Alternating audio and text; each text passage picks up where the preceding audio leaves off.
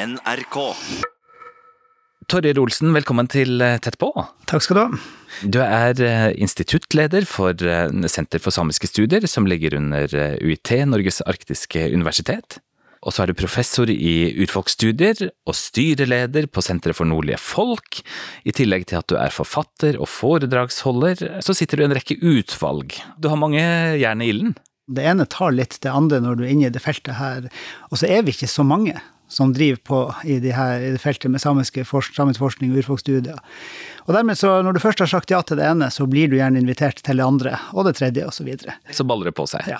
Og jeg syns jo det har vært eh, særlig kjekt også å bli invitert med på noen av de nasjonale arenaene. Altså både innenfor Forskningsrådet og Utdanningsdirektoratet og, og noen andre komiteer på nasjonalt nivå. Og kunne liksom ta fram kunnskap om samiske forhold og samiske perspektiver på det nasjonale planet. Og det har vært særlig de siste fem årene for min del en veldig viktig del av jobben. Er det kunnskap som er eh, etterspurt fra sentralt hold? Ja, det er en sånn blanding mellom kunnskap som er etterspurt på sentralt hold, og kunnskap som det er, forplikta til å trekke fram. Jeg opplever at de som sitter f.eks. jeg mener Utdanningsdirektoratet har vært et godt eksempel for min del. Der har jeg vært med å, å lage den nye læreplanen i religionsfagskomiteen. Og der merker jeg at saksbehandlerne, altså byråkratene i Utdanningsdirektoratet, de er godt opplest, de har solide kunnskaper, gode perspektiv, og er veldig interessert i å ta med samiske tema inn. På en god måte, og er interessert i samarbeid. Eh, og det har vært en sånn veldig god opplevelse hele veien. Så merker jeg jo i Forskningsrådet syns jeg jo at veien var litt tyngre i det styret der jeg sitter for en del av det som gjøres av forskningsfinansiering, så har det vært noen hardere diskusjoner. Og det er også motstand mot, men det gjelder jo særlig blant andre forskere, det er motstand mot å tenke samisk forskning eller samiske perspektiver har vært mye større. Akkurat. Jeg ser begge delene, det gjør jeg. Og så er det en, en slags kamp om hva skal forskninga være, altså den såkalte frie forskninga eller den forskerstyrte forskninga versus den litt mer styrte forskninga. Det er jo en komplisert diskusjon. Og det vi ser når det gjelder samisk forskning, som vi har sett det med kjønnsforskning, likestillingsforskning og for den saks skyld en del av medisinsk forskning, det trengs føringer. Mm. Forskerne trenger å bli styrt til en viss grad. For hva skjer hvis de får bestemme helt fritt sjøl, da? Et eksempel på det er jo kanskje fra medisinsk forskning. der at Uten føring og politisk styring så hadde vel knapt kvinnesykdommer blitt forska på. Urfolksforskning har jo oppstått dels som en konsekvens av press. Og vi ser jo at den, den rådende samfunnsforskninga omkring samiske forhold og urfolkstematikk har jo vært veldig majoritetsstyrt. Sånn altså, hvordan majoritetsstyrt tenker på da? At perspektivene har kommet fra sentralt hold. Perspektivene har kommet fra et majoritetssamfunn, og basert på ideer og, og holdninger fra majoritetssamfunn. Som jo f.eks.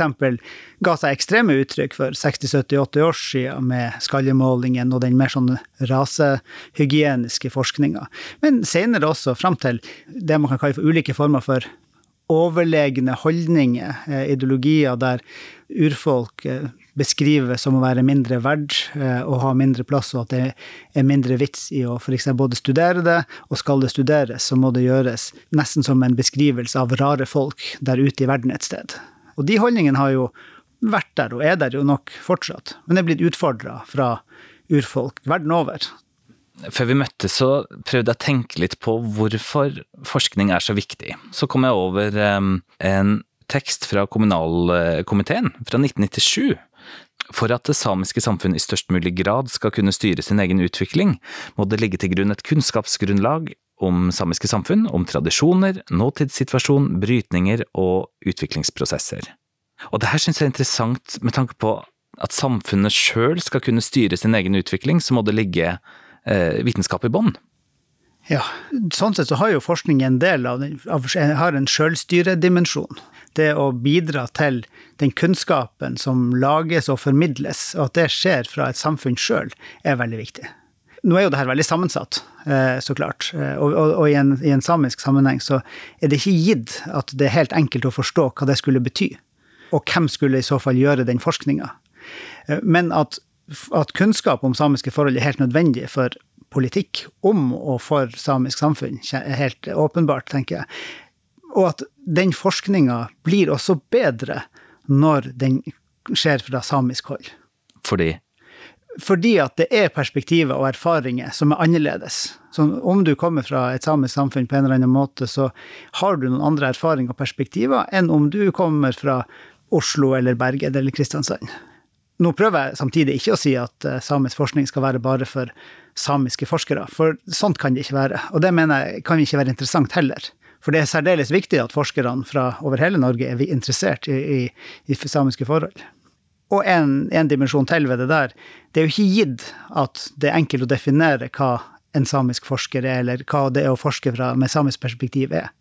For samme som jeg nevnte med at det er forskjell på å forske fra et samisk samfunn og forske fra Oslo, det er etter alt å dømme også forskjellig å forske på samiske temaer fra Røros eller fra Kautokeino. Eller fra Olmaivagi til, eh, til Hammerfest. Så den, den, går også internt i de samiske samfunnene. Mm. Og derfor er det viktig at vi må også tørre å bryte opp hva er et samisk perspektiv, og erkjenne at det finnes flere. Det er ikke bare ett. Nei. Si at man er en forsker i Oslo, som har lyst til å ta fatt på samiske spørsmål, da. Er det noe den forskeren burde tilføres av kunnskap og perspektiver som gjør det lettere å forske på urfolk? Ja, eh, det er det jo. Ganske åpenbart. Eh, det er ikke helt lett å si hva det skulle være. Men jeg vil jo forutsette at en, en forsker et, eh, som er utdanna forsker og kommer fra et relevant fagfelt, har satt seg inn litt grunnleggende metodelære om at kommer du til et sted, så må du ha lest deg opp på forhånd. Skal du inn i et, et fagområde, så, så leser du deg opp, og kanskje du skal snakke med folk. Så det å høre med kjentfolk før du starter på turen, er ikke så dumt i denne sammenhengen. Det vi ser her på Senter for samiske studier, er at vi får veldig mange henvendelser fra forskere fra inn- og utland som vil komme hit for å være gjesteforskere eller eh, være hos oss, og samtidig gjøre forskning som på en eller annen måte er knytta til Sápmi. Veldig ofte sier vi nei. Og en del av de gangene vi sier nei, så handler det om at vi ser at det er noen perspektiver som ikke er helt på plass. Altså ideen om at jeg er forsker innenfor et eller annet fagfelt, og nå synes jeg at, eh, at samer ser veldig spennende ut. Kan jeg komme til dere, og så kan dere gi meg tilgang til det samiske samfunnet, så skal jeg forske? Da sier vi nei. Gjennomgående. Det må ligge en, en, en grunnleggende litt ydmyk tilnærming, og det må en forståelse for kunnskapen som trengs før du går i gang, og for perspektiv, og for hvor du ser fra. At den du er, påvirker hva du gjør. Altså, hvilke forskjeller er det metodemessig eh, innen urfolksforskning, hvis du sammenligner med andre grener, da? Det er to måter minst å se på det. På den ene sida så er urfolksforskning en hvordan som helst disiplin, helt lik alle andre. Med strenge metodiske krav om at forskninga di skal være til å stole på, den skal være etterrettelig, eh, du må kunne vise hvor du får kunnskapen og kildene dine fra. Alt det gjelder. Alle, alle ting som gjelder for eh, enhver samfunnsvitenskapelig og humanistisk forskning, gjelder i prinsippet. Og så det som nok kanskje er lagt til for urfolksforskninga, er jo en kan man si, en litt kunnskapskritisk dimensjon. Eh, der vi læres opp til, og vi lærer opp eh, nye forskere, til å være kritisk til hvordan kunnskapen fra tidligere er skapt og formidla. På hvilken måte har forskninga vært en del av systemer som kanskje har vært eh, bidratt til kolonisering? På hvilken måte ser vi at føringer fra den kan være med videre framover. Så den, den, kritikken der er nok det som jo på pent gjerne kalles for dekolonisering eller avkolonisering, som har vært en stor debatt, og som jo da stiller kritiske spørsmål til forskninga som institusjon. Forskninga har jo en svart historie når det gjelder urfolkstematikk. Forskere har i et par hundre år reist rundt i verden og gjort ganske dårlige ting. Fra å stjele blodprøver fra folk for å drive med genforskning, til skallemåling, som vi har her i de samiske områdene, til ja, kunnskapsstjeling. Altså ta historier, fortellinger, sanger, og, og spre dem eh, uten at det er spurt om lov. Og den andre biten er jo det å aktivt bruke språk, begreper, kunnskap fra det samfunnet du skal inn og forske med at det blir en, en dimensjon her. Og her er det jo mange nivåer. Altså, snakker du det lokale språket, så bruker du det lokale språket. Er du fra det lokale samfunnet? Eh, store pluss på mange måter. Masse utfordringer også. Det er jo en grunn til at eh, dem som jobber med doji, snakker om doji, i stedet for tidligere å snakke om samisk kunsthåndverk. Ja. Eh, sånn vi ser at noen av de begrepene blir, blir etter hvert dagligtale i forskninga. Og det mener jeg er en, en, en viktig en viktig del av det hele. For en enkel generalist utenfra som jeg er, da, så høres det på en måte ut som at man kanskje bestreber seg i større grad for å se urfolket i øyehøyde enn tidligere? Ja. Se der, det var godt, eh, et godt bilde. Også la folk fra urfolkssamfunn være med å definere hva det er snakk om. Og, og, for den saks skyld, nå som jo flere og flere som er urfolk sjøl forsker, så det, ligger det jo der i utgangspunktet det blir komplisert på mange måter. fordi at kritikken hva, Du må være like, du må være like, like sjølkritisk. Mm. Og her er vi jo inne på diskusjoner som er, er komplisert. Og jeg har, jo, jeg har, jo, litt kritisert det litt av urfolksforskninga for, for, å være redd for kritikk.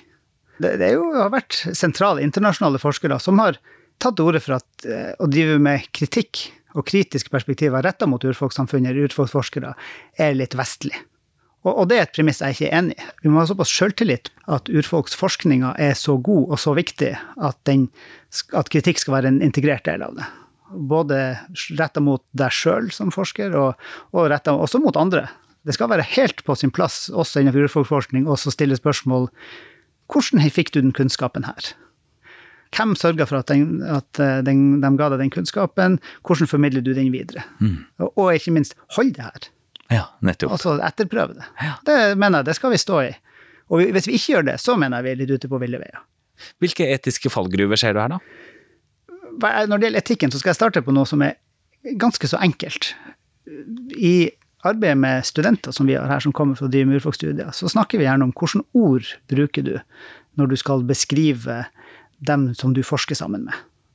Og her merker du når jeg allerede bruker ord som det her og sier folk du forsker sammen med. Eh, så jeg argumenterer f.eks. at vi ikke skal bruke ordet informant.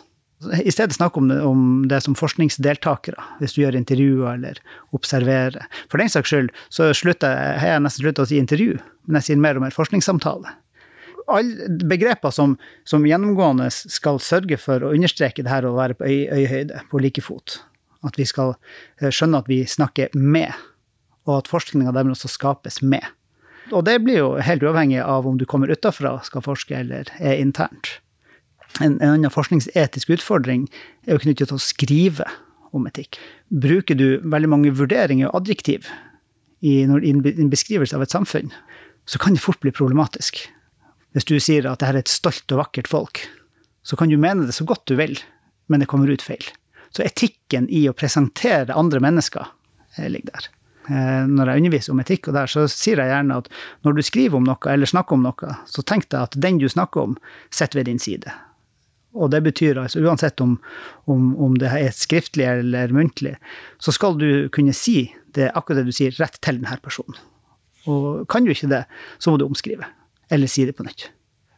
Hvorfor skal kunnskapsgrunnlaget utvikles på en institusjon som et universitet, når det tradisjonelt sett har blitt overlevert kunnskap muntlig fra generasjon til generasjon, og gjerne i, i praktiske og livsnære settinger?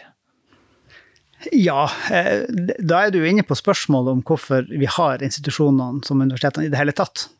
Eh, og både skoler eh, og universiteter har jo fått en rolle for å på en måte institusjonalisere, samle kunnskapen. Og det har en, en slags demokratiserende dimensjon med at det er noe som kan spres i prinsippet til alle.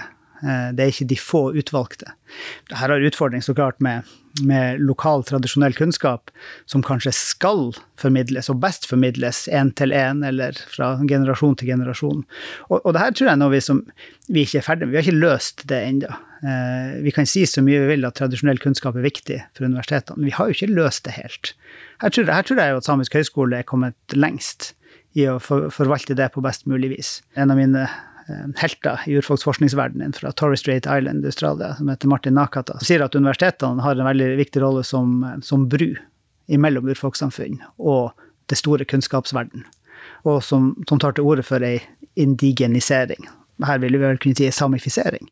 Altså at skal vi sørge for at her på UiT så kanskje vi skal aktivt samifisere det er nesten skummelt å si det, for det tror jeg det er mange som vil være sterkt uenig i. Men jeg tror kanskje vi skal våge det.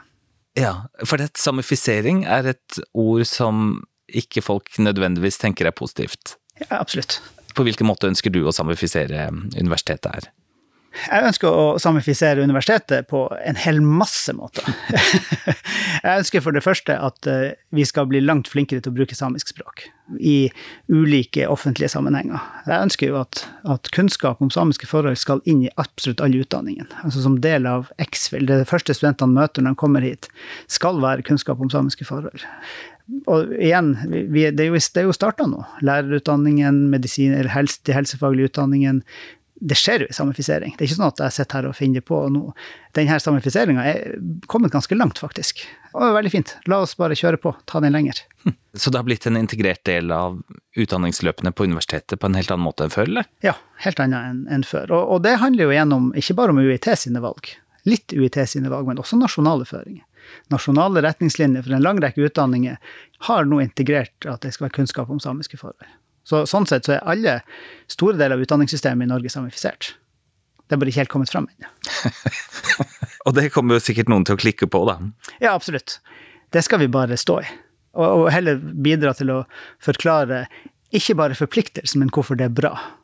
Og, og det som jeg syns har vært fint her på, på UiT de, de, siste årene, er at det er stor anerkjennelse for at dette er ikke noe vi gjør fordi vi må eller fordi vi er pålagt, men fordi det gjør oss bedre. Hvorfor er det bra, da? Her kan vi til og med bruke liksom økonomispråk. Altså snakke om at UiT tjener på, rent strategisk, å tjene på å stå fram som en institusjon med stor tyngde når det gjelder samiske og urfolksrelaterte tema. Så her, rent kynisk så er det en dimensjon ved det. Men hvorfor det? Eh, fordi at eh, da skiller man seg litt ut fra de andre. Og igjen, nå holder jeg meg på den kyniske sida her. Eh, men den andre sida er jo, den, den hyggeligere sida i det her, er jo å ta sin egen region på alvor at vi er et universitet i Sápmi. Det tar vi på alvor, og vi gjør noe med det. Vi definerer hvem vi er ut ifra det. Dette også har noen fallgruver, så klart. Eh, ingenting er svart-hvitt. Så det ligger en potensiell fare i at det skjer økt forskning på samiske tema, men med færre samiske forskere. Høsten 2019 og det er jo i forgårs, i denne verden der tida går sakte, så fikk det fakultetet som jeg er på, altså for samfunnsfag og lærerutdanning og humaniora, seks prosjekter fra Forskningsrådet. Fire av de prosjektene var med samiske og urfolksrelaterte tema. Mens andelen samiske forskere i de prosjektene var mindre enn antallet prosjekter. Jeg argumenterer for at vi må være litt på når det gjelder det. Mm. Mm. Du, hva er det som rører seg innen samiske forskninga nå? Hva, hva, holder dere på med?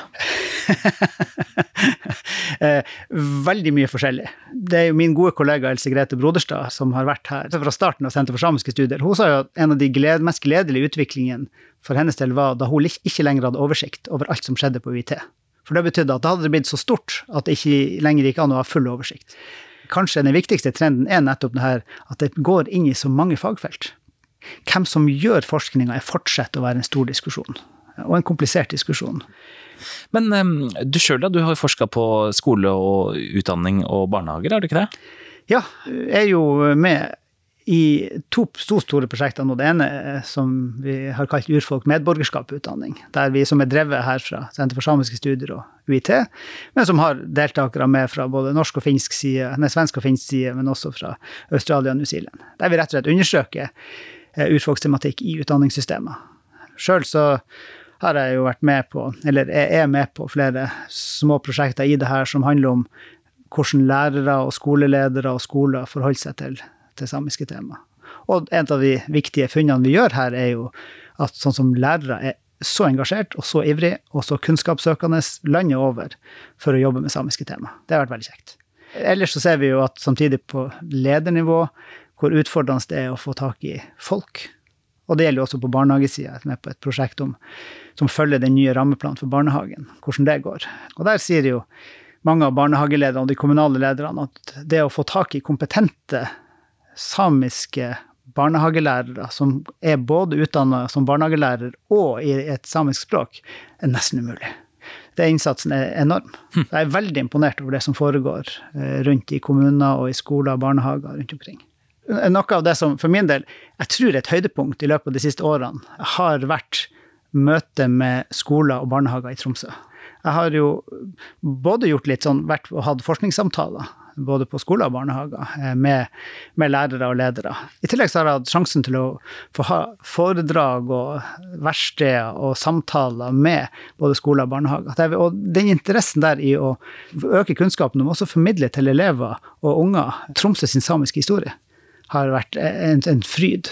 Og det der sier noe, syns jeg, om hvordan Tromsø som samisk by vokser og se hvordan at en sånn som Sjømannsbyen barnehage her, som, som har sånn uttalt mål om å være en sjøsamisk barnehage, og som nå har fått nye prosjektmidler for å utvikle det. Og jeg har vært på Rein barnehage der, på en fagdag med staben og snakka nettopp om Tromsø som sjøsamisk by, og diskutert med dem hva betyr det egentlig og så er det masse dilemmaer om fortid og samtid og mat og musikk og språk. Språk og språk og språk, som skaper som utfordringer. Men det har vært en, en enorm glede å jobbe med, rett og slett. Jeg har jo styrt min formidling inn mot den retninga, fordi at der skjer det så mye bra, og fordi at det er, nær, det er jo der livet leves. Mens den offentligheten vi ellers ser, er jo gjerne kjipere. Altså, det er det mer tunge temaet som kommer fram om samiske forhold. Gjerne motstand mot det kommer fram. Så jeg er egentlig litt glad for at mye av det her går litt under radaren. Alt som foregår der, er, det er rett og slett det som jeg ser på en lang rekke veldig positive strømninger. Og et enormt engasjement mm. ja, til å skape noe nytt. Men hvilken strømning er den mest korrekte? Er det det som du opplever i møte med barnehager og skoler, eller er det den offentlige samtalen som man ser med kommentarfelt av ymse slag? Jeg tror det er viktig å se at det finnes begge deler. Erfaringa i Tromsø de siste to årene, ti årene, 50 årene, er vel at vi må se at her tar litt tid. Og at Tromsø er en by som, der vi litt sånn kollektivt sliter med å finne ut hva vi er for noe. Et universitet og en forsker som ikke formidler, som ikke engasjerer seg i verden, fnyser jeg litt av, rett og slett. Jeg mener at det, det vi driver på med, må bety noe. Og det betyr at vi må være eh, uti der nå driver vi jo på med så mye forskjellig på, innenfor forskninga, så det er mange måter å gjøre det på. Men at det, det vi driver på med, særlig her på Senter for samiske studier, det må, det må bety noe for, for, verden. Hvis vi ser framover da, Torjer, hvordan håper du at um, forskningsinstitusjonene utvikler seg videre da? Jeg ønsker jo at forskningsinstitusjonene på et nasjonalt nivå er seg ansvaret bevisst eh, når det gjelder de nasjonale forpliktelsene til å gi kunnskap om samene som urfolk. Altså det, det, at det skal bli en det er jo en større samfunnsutvikling om at hele Norge skal se at det er to folk. Og så syns jeg vi skal være litt flinke til å fordele litt ansvar og samarbeide. Eh, at vi skal klare å si at det, det, er helt greit at Universitetet i Agder ikke skal bli eksperter på samisk forskning. Det, det, det er helt unødvendig. Men, men, ok, da, kanskje er det sånn at vi, vi, tre her i nord skal ta et enda større nasjonalt ansvar. Kanskje vi skal samarbeide heller enn å konkurrere. Det, det er fint. Og vi kan gjerne se over grensen med det samme. Om en samisk ungdom fra Kiruna vil studere til å bli lærer, og om hun da reiser til Umeå eller Nord eller UiT eller Samisk høgskole, så er det nesten likegyldig. Det er liksom bare hurra, hun vil gjøre det. Mm. Og jeg, jeg, mener at vi må bli flinkere til å, til å, se at vi drar i samme retning. Det, det er på en måte mitt sånn mål, eller håp for det vi er framover. Du har jo også forska på din egen slekt. Ja, jeg har jo det. Jeg er jo eh, født og oppvokst i Tromsø, og med familie her i Tromsø-området og Balsfjorden og i, på Innlandet. Målselv. Jeg har jo i mange år, ut ifra at jeg driver på med de her temaene, har jeg brukt å spørre mine foreldre litt innimellom hvordan det er med samisk slekt, og, og stort sett fått avkrefta at det er det ikke noe særlig av. Det var nok en tippoldefar som kom fra svensk side en gang til Målselv, eh, men utover det i liten grad. Også gjennomgående bare vært veldig lite snakk om det. Men eh, faktisk, i forbindelse med, igjen med pandemien i fjor, så starta jeg et lite slektsforskningsprosjekt. Egentlig bare fordi at det var noe morsomt å gjøre, og bli litt mer kjent med egen familie. Om det er lov å si om egen slekt, men oldefedre, de samiske oldeforeldrene poppa fram her. Og mye tettere enn jeg hadde trodd. og mor mi hadde trodd og visste av. Og det var en interessant oppdagelse. Jeg følte meg litt naiv eh, med å drive som forsker innenfor dette feltet, og egentlig ikke har, har sett seg hardt nok i speilet, kanskje. Men veldig fint. Ja. En positiv overraskelse, skjønner jeg. Ja. Det er jo en helt fullstendig vanlig historie at uh, fornorskninga har gjort at uh, folk har slutta å snakke om ting. Mm. Så, så, det mest sånn konkrete jeg ser i det her, er jo at min morfar i Målselv, da han ble født uh, tidlig på 1900-tallet, så var han den andre i slekta som ble født norsk, mens de eldre søsknene var født samisk. Og det er akkurat på den tida der fornorskninga er på sitt, sitt, hardeste. Og han har ikke forholdt seg til å være samisk på noen som helst måte. Så da, da han døde for 40 år siden, så var ikke det noe som vi visste om. Nei. Og ikke heller om mamma. På fars side også, med den slekta fra Balsfjord, Malangen, sjøsamiske slekten der. Men det har blitt norsk, og så slutta å snakke om det. Det har vært fint å på en måte anerkjenne at dette er en del av, en del av familien. Mm. Mm. Har det satt i gang noen prosesser hos deg som forsker, da? Ja, det har det. Eh, og det må jeg trekke litt på, for det har satt i gang prosesser som, som jeg ikke helt vet hvor ender. Jeg ser at eh, når man driver med urfolksforskning og man skal skrive hvem man er, så er jeg begynt å tenke på hvem jeg er, eh, og uten at jeg helt klarer å svare så lett på det som, som før. Det har nok endra litt på, på perspektivering også, for min del. Jeg har jo jeg har alltid vært opptatt av mellomrommet, altså mellomposisjonene. Altså i en samisk sammenheng, det her med de samfunnene, særlig de sjøsamiske samfunnene, som, som, er litt imellom norsk og samisk på mange måter. Og så mens jeg driver opptatt av akkurat de her mellomrommene, så sitter jeg midt der imellom sjøl. Og synes egentlig det Jeg kan ikke vurdere det som verken fint eller dårlig, det er bare sånn det er. Mm. Ja. Så jeg, får, jeg, jeg må se hvor det lander. Ja. Anser du deg som en samisk forsker nå, eller en norsk forsker? Ja, Det er en lang pause på det spørsmålet. Altså, jeg, må, jeg tror at jeg må svare at jeg er en samisk og en norsk forsker. For jeg er jo ikke slutta å være norsk. Nei. Sjøl om at jeg nå er innmeldt i, i valgmanntallet og forsiktig kan si at jeg er samisk. Men jeg merker jo at det sitter litt inne.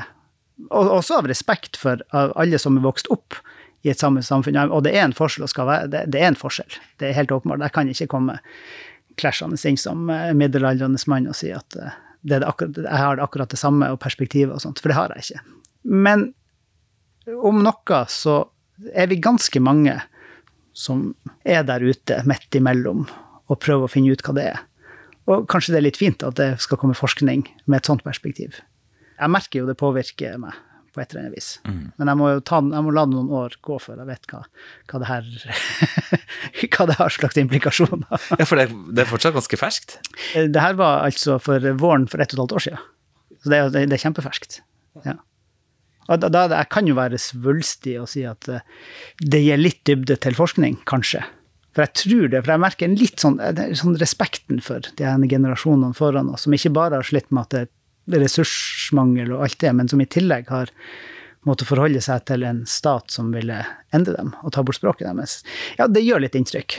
Og, og det, når det er så nært i slekt også, å vite at, vite at de vokser opp som det ene og dør som det andre, det, det gjør jo noe. Jeg skal ikke prøve å snakke meg bort fra det. Så da kan jeg også si, for den saks skyld, mens vi er inne på det der sporet, at yngstedattera mi eh, fikk seg kofta i fjor. Hun hadde lyst på det i mange år, jeg trodde ikke vi var samiske nok, som jeg sa til henne. Men da fikk hun seg Troms-Ulsfjord-kofta.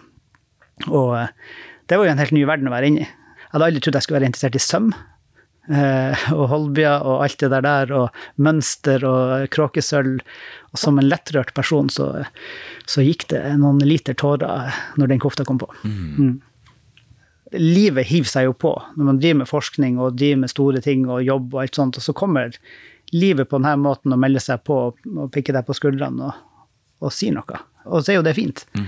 Så, så, det, å, det å, å, oppleve at hun her, da tiåringen fikk på seg kofta og opplevde det som en rent positiv ting, er jo så fint. Hun var jo antagelig, er jo da antageligvis første koftebrukeren i storfamilien på la oss si 110 år, vil jeg tro og at hun ikke har noen idé om at det skulle være kjipt. Det er jo fantastisk. Torrid Olsen, tusen takk for at du var med i Tett på. Og logito. Hvis du vil høre andre episoder i denne serien, kan du gjøre det på nrk.no, eller der du hører podkast. Jeg heter Svein Lian. Tett på fra NRK Sápmi er produsert av 1 til 1 Media.